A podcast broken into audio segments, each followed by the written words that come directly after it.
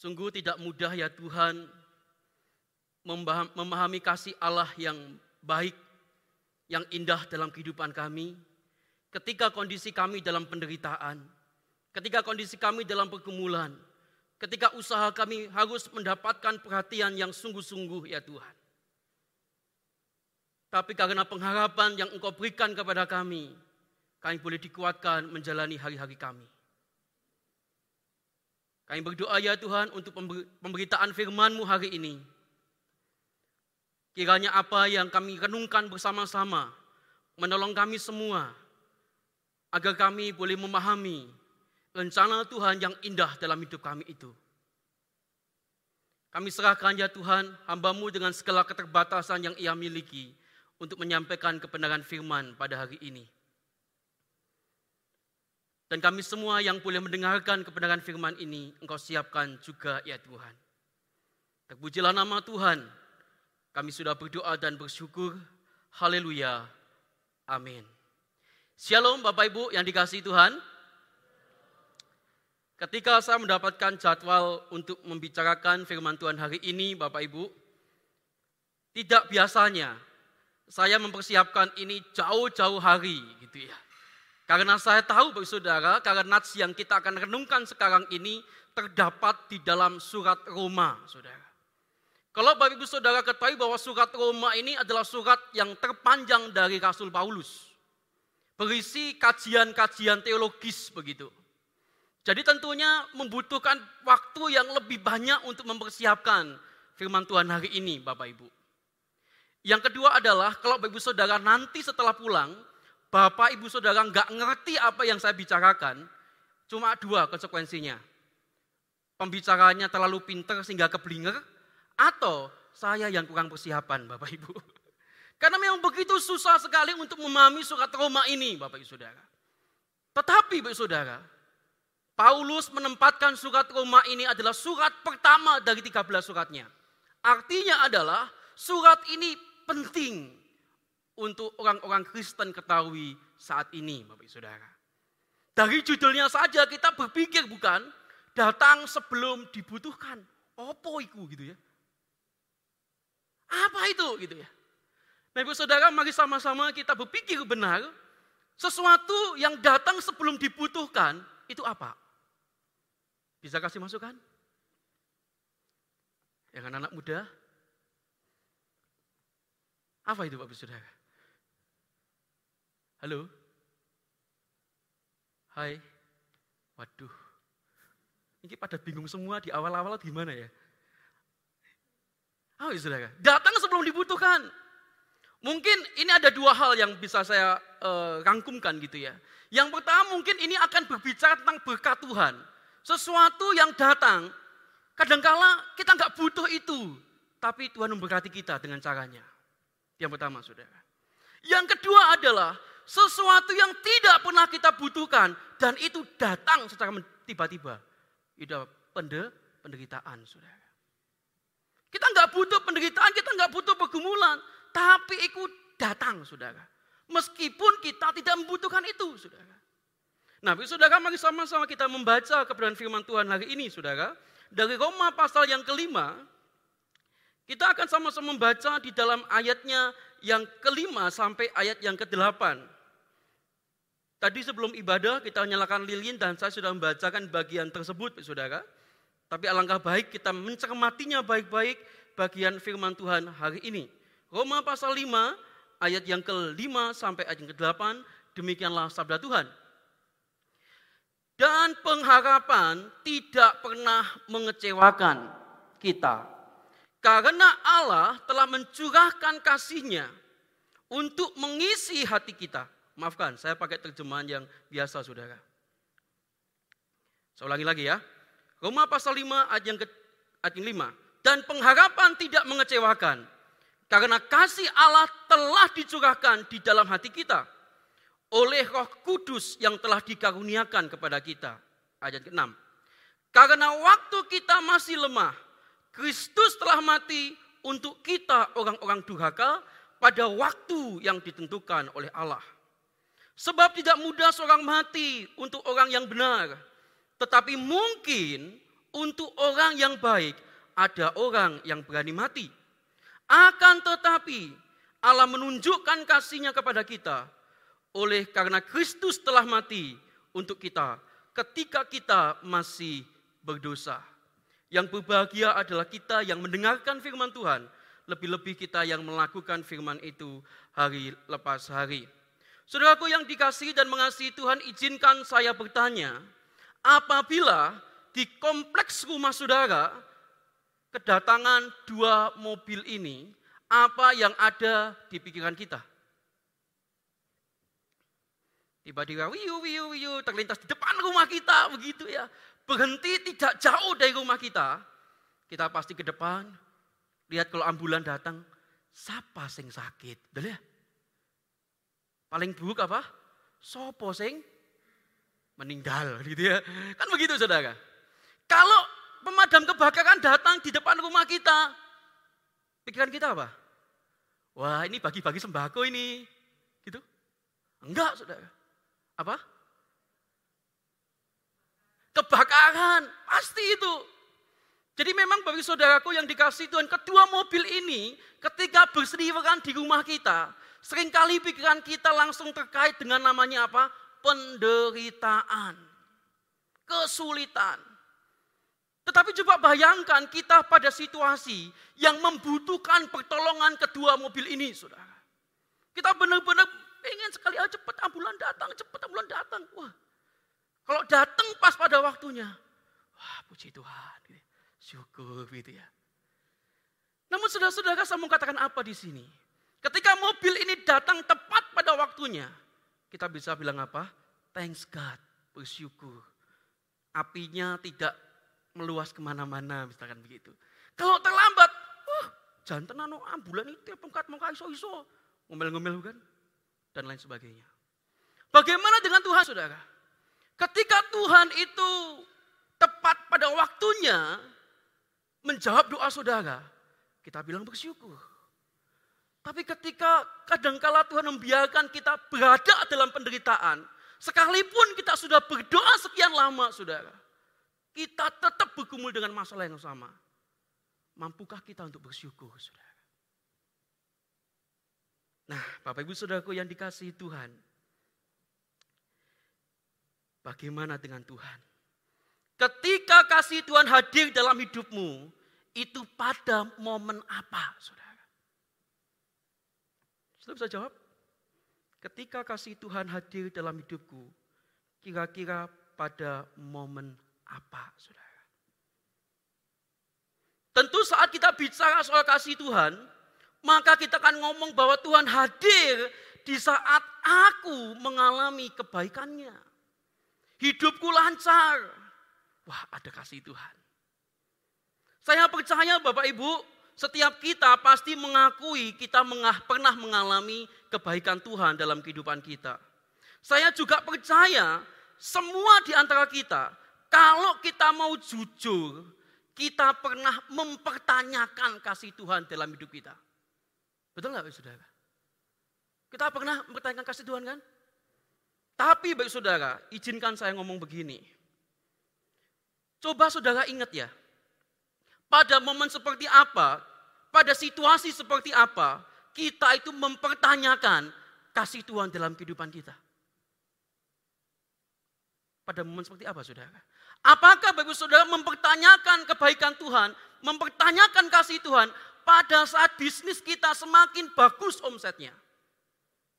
Semakin bagus omsetnya kita ngomong, Tuhan apakah engkau mengasihi aku? Tidak mungkin saudara. Lalu yang kedua, apakah kita waktu mempertanyakan kasih Tuhan pada saat hidup kita semuanya berlangsung dengan baik, berlangsung dengan lancar, kita ngomong, Tuhan mengapa engkau tidak mengasihi aku? Kan tidak mungkin. Tidak mungkin saudara. Nah Bapak Ibu saudaraku yang dikasih Tuhan, biasanya kita mempertanyakan kasih Tuhan, kebaikan Tuhan pada kita pada saat kita mengalami penderitaan. Pada saat kita mengalami penderitaan, saudara. Pada saat itulah kita mulai meragukan kasih Tuhan dalam hidup kita. Di dalam penderitaan yang berat, kita biasanya bertanya, di mana engkau Tuhan? Apa yang kau lakukan saat aku dalam penderitaan? Dan biasanya saudara-saudara, ketika sedang berada dalam situasi yang sulit, maka kita bertanya, di mana Tuhan? Aku sudah berjanji melayani Tuhan sepenuh waktu. Aku sudah memberikan hidupku banyak waktu untuk Tuhan. Tapi Tuhan masih membuat aku menderita sampai hari ini. Di mana engkau Tuhan? Mengapa situasi yang sulit dan menyakitkan ini terjadi dalam kehidupanku? Saudara, pada saat semacam itulah kita bertanya kepada Tuhan. Di mana Tuhan? Mengapa engkau tidak mengasihi aku? Saudara, saya mau ngomong dalam satu kalimat. Kalau Tuhan mengasihi saya, mengapa situasi yang sulit sekarang ini terjadi dalam kehidupan saya? Saudaraku yang dikasihi Tuhan, tapi apakah benar, saudara? penderitaan, pergumulan, kesulitan itu meniadakan kasih Tuhan dalam kehidupan kita. Apakah benar saudara? Benarkah penderitaan itu bisa mengaburkan kasih Allah yang ada dalam hidup kita? Saudaraku yang dikasih Tuhan, kalau saudara tanya kepada Paulus pertanyaan ini saudara. Paulus, benarkah penderitaan itu bisa mengaburkan kasih Allah? Paulus akan menjawab dengan tegas, tidak sama sekali, saudara. Justru di dalam penderitaan Paulus bicara di situ. Dengan tegas dia bilang, justru di dalam penderitaan itulah kita diingatkan ada kasih Allah yang selalu menopang kita. Pembacaan kita di dalam Roma pasal yang kelima, ayat ke-5 sampai 8 tadi saudara. Berbicara tentang kasih Allah melalui Kristus Yesus, Bapak Ibu. Sebelum kita membahas lebih lanjut tentang kasih Allah itu, Bapak Saudara, saya menggunakan uh, pertanyaan begini. Mengapa Paulus berbicara tentang kasih Allah, Saudara? Kenapa, Saudara? Kenapa Paulus di dalam Roma pasal kelima, ayat, 5 sampai 8, itu berbicara tentang kasih Allah, Saudara?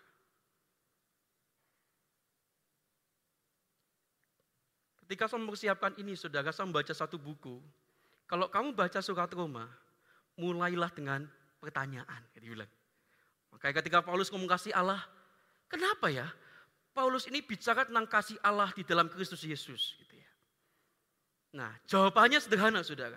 Karena di dalam ayat 3 dan 4, Paulus bicara tentang penderitaan.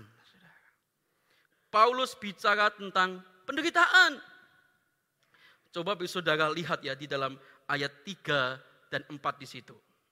Ya, coba kita lihat sama-sama saudara ya.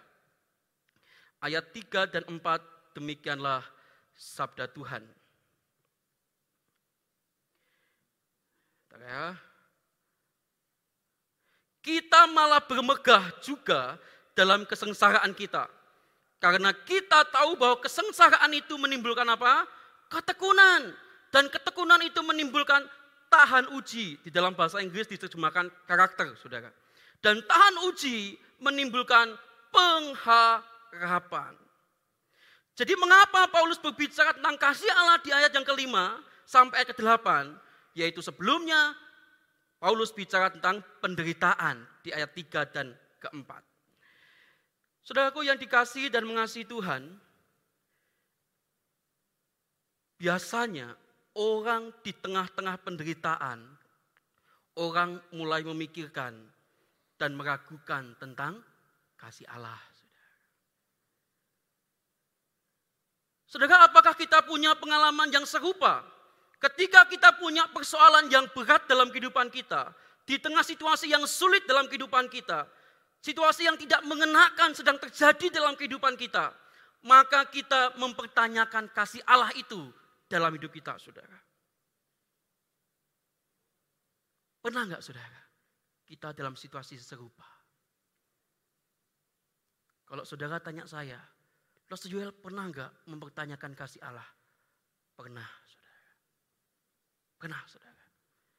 Kapan itu Los Joel? Saat papa saya dipanggil secara tiba-tiba oleh Tuhan. Lain, saudara. melayani Tuhan sepenuh waktu loh.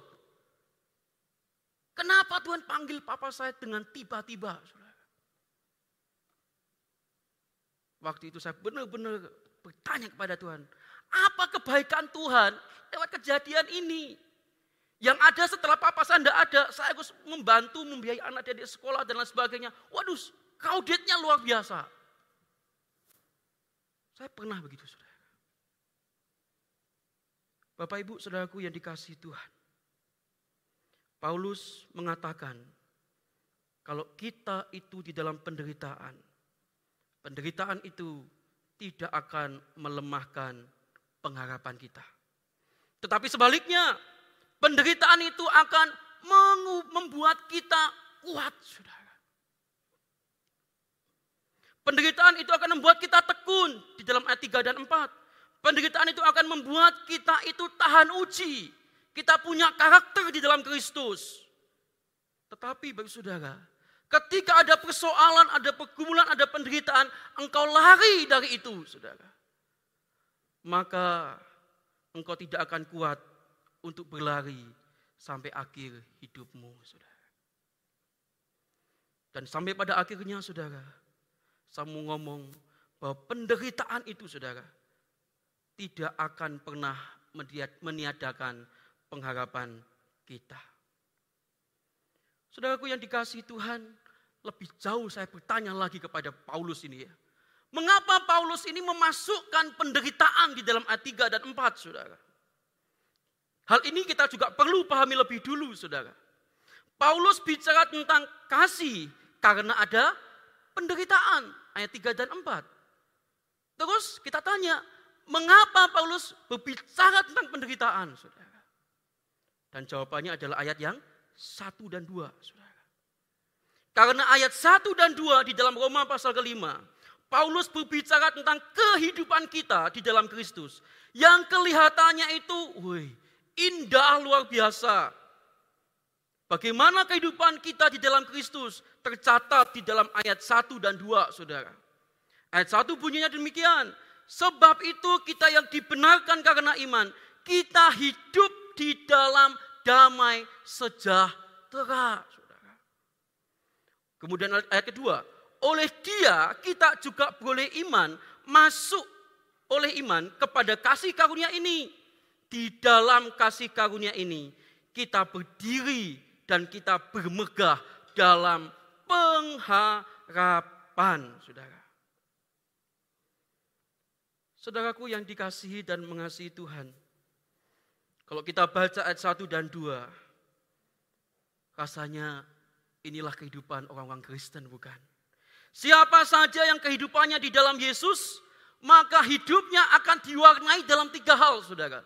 Menjadi orang Kristen akan hidupnya damai sejahtera, menjadi orang Kristen akan mendapatkan kasih karunia Allah, menjadi orang Kristen hidupnya akan diwarnai dengan apa? Pengharapan di dalam Allah, saudara. Saudaraku yang dikasihi Tuhan, kalau Paulus, saudara, berhenti di ayat 1 dan 2, maka bisa saja kita itu salah paham dengan konsep kekristenan kita, saudara.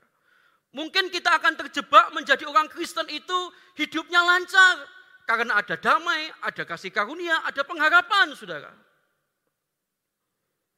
Karena kalau kita hidup sebagai orang Kristen, kita mendapatkan tiga warna itu, saudara.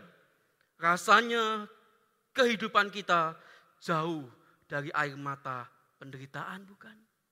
Ada damai, ada kasih karunia, ada pengharapan.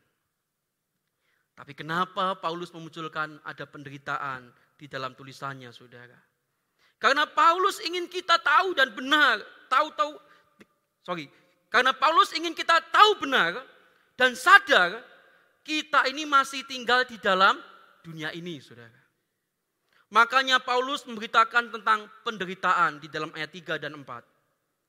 Kalau Paulus tidak bicara tentang penderitaan, saudara, maka orang Kristen akan menjadi kaget, saudara. Kenapa kok kaget? Karena jadi orang Kristen, harapannya terlalu tinggi sekali, saudara. Tenang, aku masuk Kristen ada damai, ada kasih karunia, ada pengharapan. Hidupku pasti diberkati Tuhan, lancar saja gitu saudara. Makanya banyak orang Kristen itu mau jadi orang Kristen. Karena tawarannya adalah tiga ini kan, damai sejahtera, kasih karunia, dan pengharapan. Saudaraku yang terkasih dalam nama Tuhan. Tapi ketika orang Kristen yang mau jadi Kristen karena harapannya tiga ini saudara. Karena tanpa masalah dalam hidupnya. Begitu ada masalah, runtuhlah imannya bukan. Saudaraku yang dikasih Tuhan, saya ini terlibat aktif di dalam kepengurusan PGIW, saudara. Persatuan Gereja-Gereja Indonesia wilayah Jawa Timur. Saudara. Kami itu sering kali bercakap-cakap dengan hamba-hamba Tuhan beda aliran, gitu, saudara. Suatu kali dalam percakapan makan siang itu, pendeta itu tahu saya ini dari gereja GKT gitu ya saudara, reform begitu. Kemudian dia mendekati saya, dia makan di sebelah saya saudara, sambil makan dia cerita saudara. Dia ngomong begini, Pak Yoel, saya suka sekali loh khotbah aliran gereja-gereja reform gitu ya. Duh kenapa Anda suka? Bukankah gereja Anda ini lebih besar gitu kan ya? Kemudian dia begini, karena gereja-gereja reform itu Pak Yoel selalu menekankan berani menderita bagi Tuhan, hidup bagi Tuhan itu tidak gampang, tapi ada kasih karunia dari Allah. Dia bilang, wah begitu ya Pak. Tapi Pak Yoel dia bilang, saya perhatikan di tempat saya ini Pak, banyak orang-orang Kristen, jemaat saya itu mundur dari gereja. Nah terus kenapa? Kok bisa mundur jemaat Bapak? Bukankah jemaat Bapak ini kan, wah kalau ekspresi sukacita itu besar gitu ya. Wah, ibadah itu benar-benar memberkati gitu. Terus dia bilang gini, sudah. Iya Pak Joel, ketika saya mengevaluasi mundurnya jemaat-jemaat Kristen di tempat saya, dia bilang, karena khotbahnya selalu menawarkan, kalau jadi Kristen itu pasti kaya. Kalau jadi Kristen itu diberkati Tuhan. Kalau jadi Kristen itu ada mujizat. Maka Pak, ketika orang-orang itu masuk di gereja kami, dan ketika ada masalah dalam kehidupannya, maka orang-orang itu mundur dari gereja. Saya langsung makdek, saudara. Ini pendeta yang beda aliran dulu yang ngomong. Saya mendapatkan konfirmasi, saudara. Dan konfirmasi itu adalah begini, saudara. Ajaran atau khotbah-khotbah yang menawarkan keduniawian, kepuasan dunia adalah khotbah-khotbah yang melemahkan iman Kristen.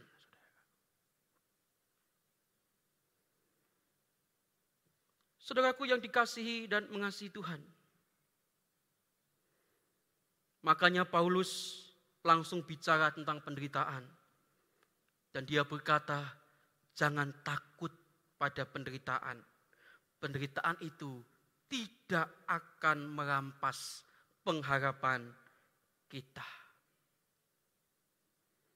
Saudara, bagi, bagi Paulus, ketika kita merespon penderitaan dengan cara yang tepat, penderitaan itu akan menimbulkan apa? Ketekunan. Dan ketekunan itu menimbulkan tahan uji atau karakter, saudara. Dan karakter itu akan menimbulkan pengharapan. Nah Bapak Ibu yang terkasih Tuhan, bukan itu yang kita akan bicarakan saudara. Merespon penderitaan itu penting. Tapi ada yang lebih penting. Yaitu apa yang Allah lakukan bagi kehidupan kita. Maka di dalam ayat yang kelima saudaraku, dikatakan pengharapan itu tidak mengecewakan Tidak akan pernah kita dipermalukan, saudara. Oleh pengharapan kita di dalam Kristus. Bukan karena respon yang kita lakukan, saudara. Tetapi karena ada kasih Allah dicurahkan kepada kita. Dan pada hari ini saya akan membicarakan tiga karakter kasih Allah itu dalam kehidupan kita. Yang pertama itu subjective love, saudara. Apa maksudnya, saudara? Saya mau tunjukkan di dalam ayat yang kelima. ada terjemahan bahasa Indonesia yang menurut saya sangat bagus, saudara. Di dalam ayat kelima itu dikatakan begini, saudara. Dan pengharapan tidak mengecewakan, karena kasih Allah telah dicurahkan di dalam hati kita. Dan roh kudus yang telah dikaruniakan kepada kita. Saudara perhatikan kalimat yang saya kasih tanda merah di situ, saudara. Bapak ibu saudara, tahukah saudara kalau di dalam bahasa Inggris itu kasih Allah telah dicurahkan itu menggunakan perfect tense kalau dalam kalimat bahasa Inggris begitu ya. Nah, perfect tense ini saudara dalam bahasa Inggris itu begini, tindakannya terjadi pada masa lampau sampai pada periode tertentu, saudara. Tetapi dalam gramatika bahasa Yunani, saudara, kata kasih Allah dicurahkan itu, saudara, itu begini, kalau dalam bahasa Yunani itu, kejadiannya sudah, tapi dampaknya itu sampai sekarang, saudara. Makanya Paulus ketika mengatakan dicurahkan, itu berarti peristiwanya terjadi dulu, akibatnya sampai hari ini, saudara. Pertanyaan saya adalah, kapan kasih Allah itu dicurahkan kepada kita? Kapan saudara? Tadi pagi saya tanya begitu kepada bobo-bobo, mereka serempak jawab sudah. Kapan kasih Allah dicurahkan? Setiap saat. Kok saya tanya sama saudara, kapan kasih Allah dicurahkan dalam hidup saudara? Kapan saudara? Hah? Bedanya apa setiap saat sama setiap hari? Bodoh itu ya. Mungkin ini hari-hari, mungkin saat gitu ya. Sudah tahukah kita saudara? Kasih Allah dicurahkan itu pada saat kita mengalami pertobatan. Pada saat kita mengalami pertobatan, pada saat roh kudus melembutkan hati kita. Dulunya kita menjadi musuh Allah, sekarang menjadi anak-anak Allah. Sejak itulah kasih Allah mengiring kita, saudara. Karena kita adalah anak-anak Allah. Karena kita adalah anak-anak Allah, maka kita terus mengalami kasih dan kebaikan Allah di dalam kehidupan kita, saudara. Maka itu saudaraku, di dalam Matius pasal 7 itu ngomong begini. Kalau kamu adalah bapak yang jahat, tahu yang baik untuk anakmu, apalagi Bapamu di surga. Artinya apa saudara? Ketika kita percaya kepada Yesus, maka kita menjadi anak-anak Allah. Jadi apa yang perlu kita takutkan lagi saudara? Matius pasal ke-6 ayat 26 mengatakan, Pandanglah burung-burung di langit yang tidak menabuh dan tidak menuai dan tidak mengumpulkan bekal dalam lumbung, namun diberi makan oleh Bapamu yang di surga apalagi kamu anak-anakku. Burung saja dia pelihara, apalagi kita. Saudaraku yang terkasih dalam nama Tuhan, kita balik pasal yang kelima tadi, saudara. Ada satu kata yang saya perlu jelaskan pada saudara untuk memahami subjective love tadi, saudara. Yaitu kata dicurahkan, saudara. Tahukah saudara bahwa kata dicurahkan itu itu muncul juga di dalam kitab Roma pasal 3 15. Pada saat itu Paulus sedang berbicara kepada orang-orang berdosa, Saudara. Kata yang sama kata Paulus untuk orang-orang yang berdosa. Katanya di bawah. Kaki mereka orang-orang berdosa itu cepat untuk menumpahkan darah. Saudara kata menumpahkan itu sak tetes sak tetes atau blub gitu. Apa saudara? Gimana? Menumpahkan itu setetes-setetes atau langsung soh gitu ya. Kan banyak ya saudara ya. Jadi saya mencoba memahami kata Paulus, kasih Allah dicurahkan itu saudara. Seperti ini saudara. Ketika kita berdosa saudara, kita itu menumpahkan darah. Sekarang kita sudah jadi anak-anak Allah, maka Allah lah yang menumpahkan kasihnya kepada kita. Saudara, Paulus begitu teliti, begitu cermat dan cerdik menggunakan kata dicurahkan untuk kasih Allah. Saudara. Ini yang saya katakan tadi. Kajian teologis Paulus itu betul-betul membanggakan saya, saudara.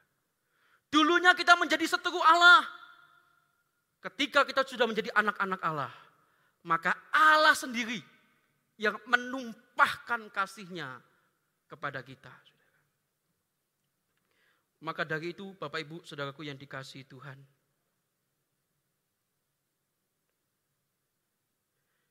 Banyak gereja reform saat ini paling pintar menjelaskan kasih Allah. Maka ada lagu yang kasih Allah tak terduga betapa besarnya. Oh, besar saudara. Gereja reform paling pintar menjelaskan kasih Allah saudara.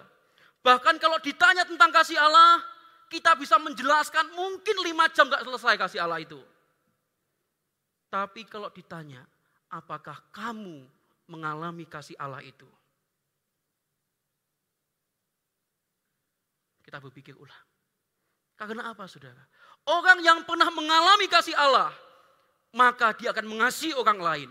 Orang yang pernah mengalami kasih Allah, maka dia lembut kepada orang lain. Dia tidak akan cuek dengan orang lain. Orang yang mengalami kasih Allah, maka dia akan murah hati kepada orang lain. Saudaraku yang dikasihi Tuhan, saya sering kali melihat orang Kristen itu cuma kasih Allahnya berhenti di otaknya saja, saudara. Yang kalau membicarakan kasih Allah paling jago, bisa mengutip para teolog, John Stott lah apa-apa, semuanya dia bisa, saudara. Tapi pertanyaannya bukan apakah kamu mengerti kasih Allah atau tidak. Tapi apakah kamu mengalami kasih Allah dalam kehidupanmu? Saudara, saya mau kutip satu kalimat pendek yang harus menjadi catatan saudara. Kasih Allah itu untuk dialami dan dibagi, bukan hanya dimengerti. Ketika engkau sudah mengalami kebaikan Allah, saudara, Mari sama-sama kita bagi kasih Allah itu yang sudah kita terima kepada orang lain. Saudaraku yang dikasih Tuhan, saya sedih sekali melihat orang yang pandai bicara tentang kasih Allah dalam hidupnya, tetapi hidupnya sendiri tidak pernah disentuh kasih Allah itu. Saya prihatin dengan orang-orang di pikirannya dipuaskan dengan firman Allah. Tapi apakah yang ia alami itu ada di dalam hidupnya. Saudaraku yang dikasih Tuhan, yang kedua yang kita mau belajar, yaitu objective love.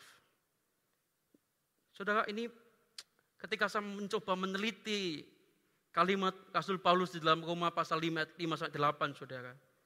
Saya menemukan di dalam ayat yang ke-6, saudara. 6 dan 8 itu memakai ada dua kali Paulus mengungkapkan Kristus telah mati. Saudara. Di dalam pembelajaran, pembelajaran saya di, di, di waktu eh, di sekolah STT, saudara, ketika di dalam dua ayat Paulus mengulangi yang sama, berarti ada sesuatu yang penting yang ingin Paulus sampaikan, saudara. Dua kali Paulus mengatakan Kristus telah mati untuk kita. Di sini Paulus ingin memberitahu kita bahwa kasih Allah itu bukan hanya di hati kita, tetapi terjadi pada waktu masa yang lampau. Sesuatu yang subjektif memang tidak salah saudara. Allah itu mengasihi kita. Tetapi yang subjektif itu kalau tidak bisa dibuktikan maka itu salah saudara. Ini kalimat kalimat teologisnya saudara. Allah mengasihi kita, ya Allah mengasihi kita. Buktinya opo? Objeknya itu apa? Buktinya apa? Kristus telah mati untuk kita. Saudaraku yang dikasih Tuhan, ayat yang keenam kalau saudara lihat di situ saudara ya. Di dalam LAI itu, ngomongnya begini, karena waktu kita masih lemah, Kristus telah mati untuk kita, orang-orang durhaka, pada waktu yang ditentukan oleh Allah. Ketika saya membaca bahasa aslinya, itu sedikit berbeda, saudara. pada waktu yang ditentukan oleh Allah itu ada di tengah, saudara. Maka terjemahnya begini, karena waktu kita masih lemah, pada waktu yang ditentukan oleh Allah, Kristus telah mati untuk kita orang-orang durhaka. Dari sini saya tafsirkan, saya setuju dengan tafsiran LAI, saudara.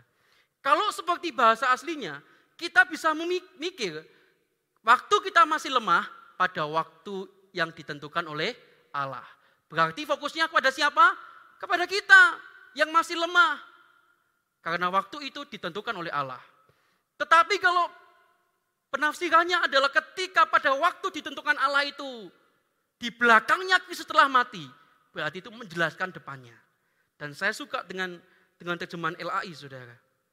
Dia bilang begini, Kristus telah mati untuk kita orang-orang durhaka pada waktu yang ditentukan oleh Allah.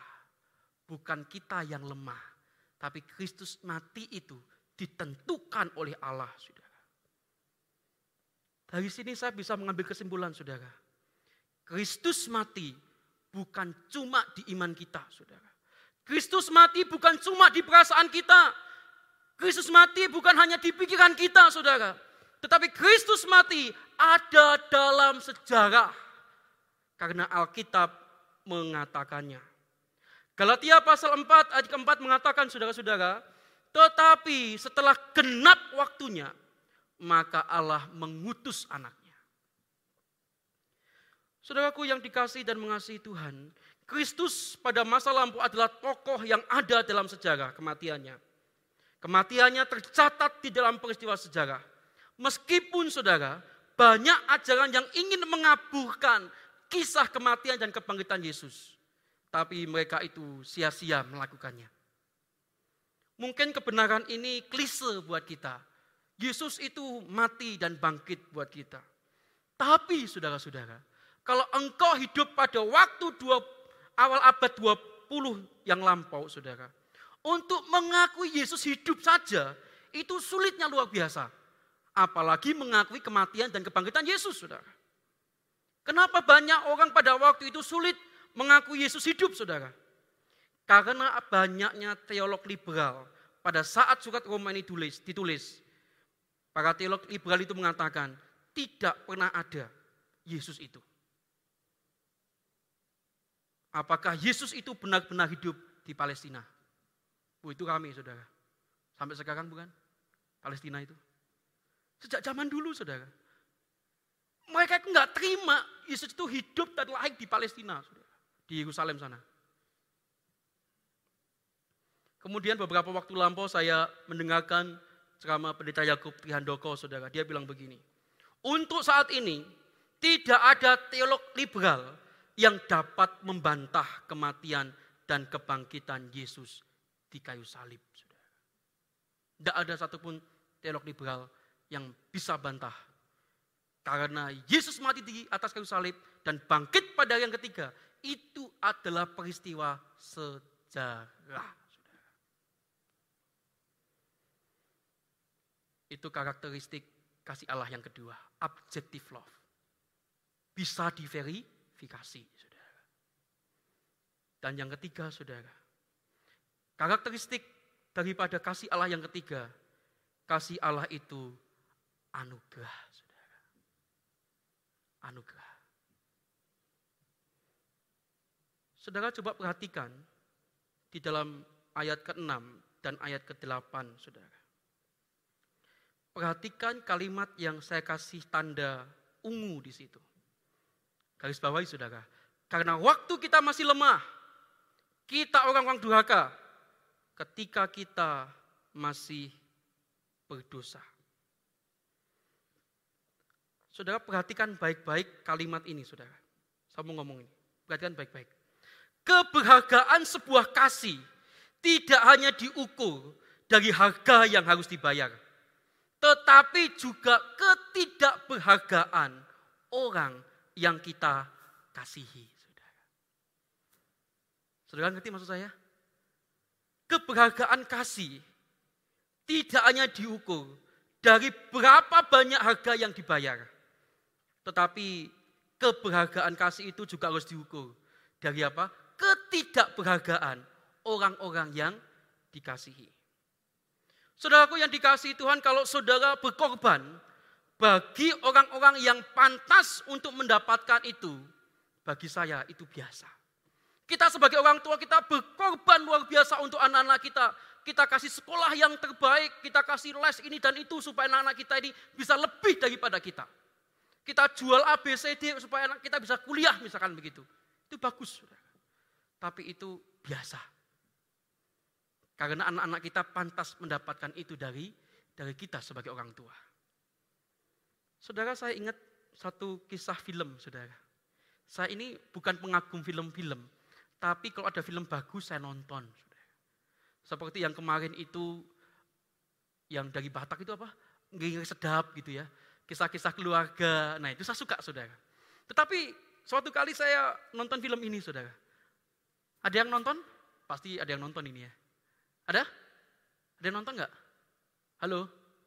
Fast Furious 8. Saudara. Ada yang tahu ceritanya? Halo?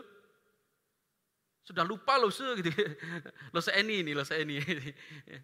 Saudara tahu nggak? Salah satu tokoh di dalam film itu adalah Dominic, saudara. Dominic Van Diesel, gitu ya, saudara ya. Dominic Van Diesel ini saudara diceritakan dalam film itu, dia ini mengorbankan segala hal untuk menyelamatkan anaknya yang masih bayi. Betul ya? Betul nggak saudara? ini antara saya yang salah atau saudara yang nggak nonton ini? Betul nggak saudara? Dia berkorban mati-matian supaya anaknya ini bisa selamat saudara. Wajahnya keker gitu ya. Ketika ditanya saudara, diwawancarai begitu. Apa yang penting di dalam kehidupanmu, Van Diesel? Dia bilang apa? Family. Saudara yang dikasihi Tuhan, ketika mendengarkan film ini sudah sampai tuntas gitu. Orang mengorbankan segala sesuatunya untuk kekasihnya, untuk keluarganya, itu apa? Biasa. Karena mereka memang pantas. Van Diesel melakukan itu kepada anaknya, Ya memang pantas gitu. Itu anaknya sendiri gitu. Coba kalau anak orang lain, mungkin bisa ya bisa tidak kan begitu. Tetapi Kristus beda, saudara. Kristus tidak demikian, saudara. Dia mati untuk kita ketika kita masih berdosa, ketika kita masih lemah, ketika kita masih durhaka. Saudaraku yang dikasih Tuhan. Pasal yang ketujuh memberitahu kita bahwa tidak ada orang yang mau mati untuk orang benar. Susah sekali. Mungkin untuk orang yang baik mungkin ada, tapi juga sulit saudara. Untuk mengakhiri firman Tuhan hari ini, saya mengusulkan tiga skenario untuk kita renungkan saudara. Suatu kali Bapak Saudara sedang mengendarai mobil Saudara. Kemudian di jalan yang sepi tiba-tiba ada nenek-nenek tua. Dia menenteng tas gitu Saudara. Yang isinya mungkin perhiasan, uang dan lain sebagainya gitu. Ketika dia menyeberang jalan, di pinggir jalan, nenek ini dirampas, dirampok Saudara. Oleh kawanan begal Saudara. Kemudian saudara mau melewati si nenek ini. Pertanyaan saya kepada saudara, Adakah di antara saudara yang turun menyelamatkan si nenek dari perampok itu? Ada saudara? Ada? Ada? Ada? Ada enggak? Ada? Sudah saya duga, saudara. Tidak ada yang akan berani turun menyelamatkan nenek tua itu. Skenario kedua, saudara. Ketika saudara di jalan sepi, tiba dia melihat kejadian yang sama, saudara. Ternyata itu nenek saudara. Saudara sebagai mungkin cucu mantu atau apa begitu ya. Apalagi sebagai anaknya saudara. Saudara turun? Turun. Karena dia mengasihi aku. Waktu aku kecil dia gendong aku, ngasih susu aku itu ya saudara ya. Kita berani turun untuk menyelamatkan nenek kita saudara. Tapi saudara, Skenario yang ketiga, saya mau katakan begini. Bila ada perampok yang sama, saudara. Dan perampok itu akan merampok seorang anak muda. Dan saudara tidak jauh dari situ, saudara. Saudara tahu perampok ini salah sasaran. Karena yang dirampok ini juga gangster, saudara. Juga komplotan penjahat begitu, saudara. Saudara tahu itu. Ih, salah ini. Makanya gepok gitu ya. Kemudian saudara tahu itu dan memang ketika perampok ini beraksi merampok anak muda ini, saudara. Dia dipukuli, diajak, dirampas barang-barangnya, saudara. Sebelum dirampas barang-barangnya, oh teman-teman ini datang, saudara. Teman-teman ini anak muda tadi, wah mukuli balik si perampoknya. Kemudian saudara mendekati orang yang dirampok tadi, saudara, yang dipukuli tadi, si perampok ya, saudara ya. Ternyata si perampok yang mau merampok anak muda tadi adalah orang yang sama. Dia itu merampok keluargamu, bahkan merampas salah satu anggota dari keluargamu. Pertanyaan saya, saudara mau turun nyelamatin perampok itu?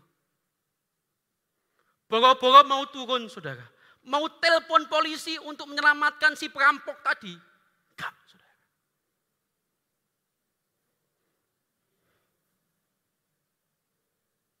Itulah naluri kemanusiaan kita, saudara. Sangat jarang ada orang yang mau mati untuk orang benar. Apalagi orang yang tidak benar. Saudara. Tapi dengar baik-baik saudara. Siapa yang mau mati untuk orang yang tidak benar dan tidak baik saudara. Siapa yang mau mati? Kecuali Kristus tidak ada. Saudara. Kristus melakukannya bagi kita saudara. Kristus ketika dia mati kayu salib, kita masih berdosa. Kita masih durhaka dan kita masih lemah.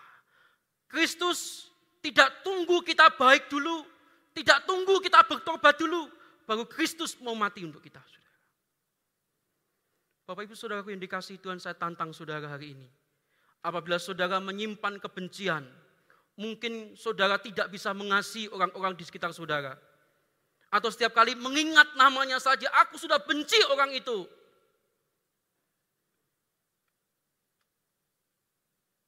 Saya tantang saudara untuk melepaskan pengampunan kepada orang itu. Saudaraku, apakah ada orang-orang yang saudara anggap tidak pantas mendapatkan kasihmu? Hari ini saya tantang saudara untuk mengasihi orang itu. Ambillah komitmen hari ini untuk mengasihi orang itu. Seperti Kristus mengasihi kita. Ketika kita masih berdosa. Ketika kita jahat. Ketika kita durhaka. Ketika kita lemah. Kristus mengasihi kita. Demikian juga harusnya kita mengasihi orang yang mungkin gak ada baiknya kepada kita. Tapi ambillah komitmen untuk mengasihi mereka. Apakah ada di antara saudara yang bertanya-tanya hari ini? Apakah Allah mengasihi aku hari ini? Kalau Allah mengasihi aku, kenapa aku harus menderita? Kenapa usahaku begini? Kenapa keluargaku begini? Saudara nggak bisa mengubah firman Tuhan. Dan fakta 2000 tahun yang lalu Allah telah mencurahkan kasihnya di atas kayu salib untuk kita. Ketika kita sudah berjumpa dengan Allah, mari bersama-sama kita bagi kasih itu kepada orang lain yang mungkin tidak pantas mendapatkan kasih dari kita. Kiranya Tuhan menolong kita. Kita berdoa.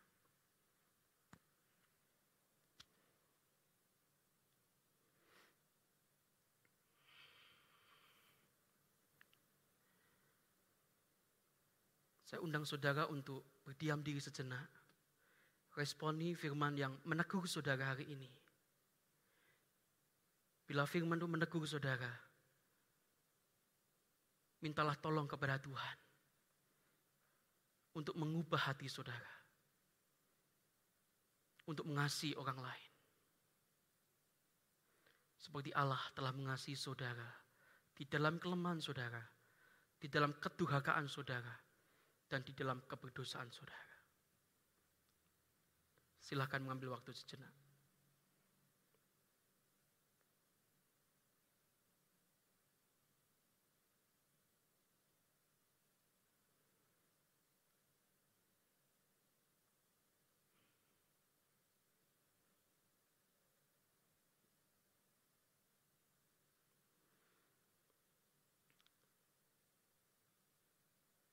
Bapa dalam surga, hambamu telah menyampaikan isi hatimu kepada umatmu. Kiranya firman yang kami dengar hari ini Tuhan, menolong kami semua untuk mengalami kebaikan Allah dalam hidup kami. Ketika kami sudah mengalami kebaikan Allah itu dalam hidup kami, ajar kami ya Tuhan, untuk membagikan kasih Allah itu kepada orang lain. Kepada orang-orang yang mungkin dalam bayangan kami tidak pantas mendapatkan kasih dari kami ya Tuhan. Baik itu keluarga kami sendiri maupun orang-orang di sekitar kami ya Tuhan. Ajar kami Tuhan untuk terus bisa bertumbuh, untuk melewati hari demi hari, yang mungkin tidak mudah buat kami lewati ya Tuhan. Di dalam pekerjaan kami, di dalam rumah tangga kami, maupun di dalam kesulitan-kesulitan yang lain yang harus kami hadapi Tuhan. Mampukan kami Tuhan untuk menghadapi semuanya itu. Karena kami punya Allah yang terus mencurahkan kasihnya kepada kami yang berdosa. Terpujilah nama Tuhan. Kami sudah berdoa dan berkomitmen. Demi Kristus Yesus kami berdoa. Haleluya. Amin.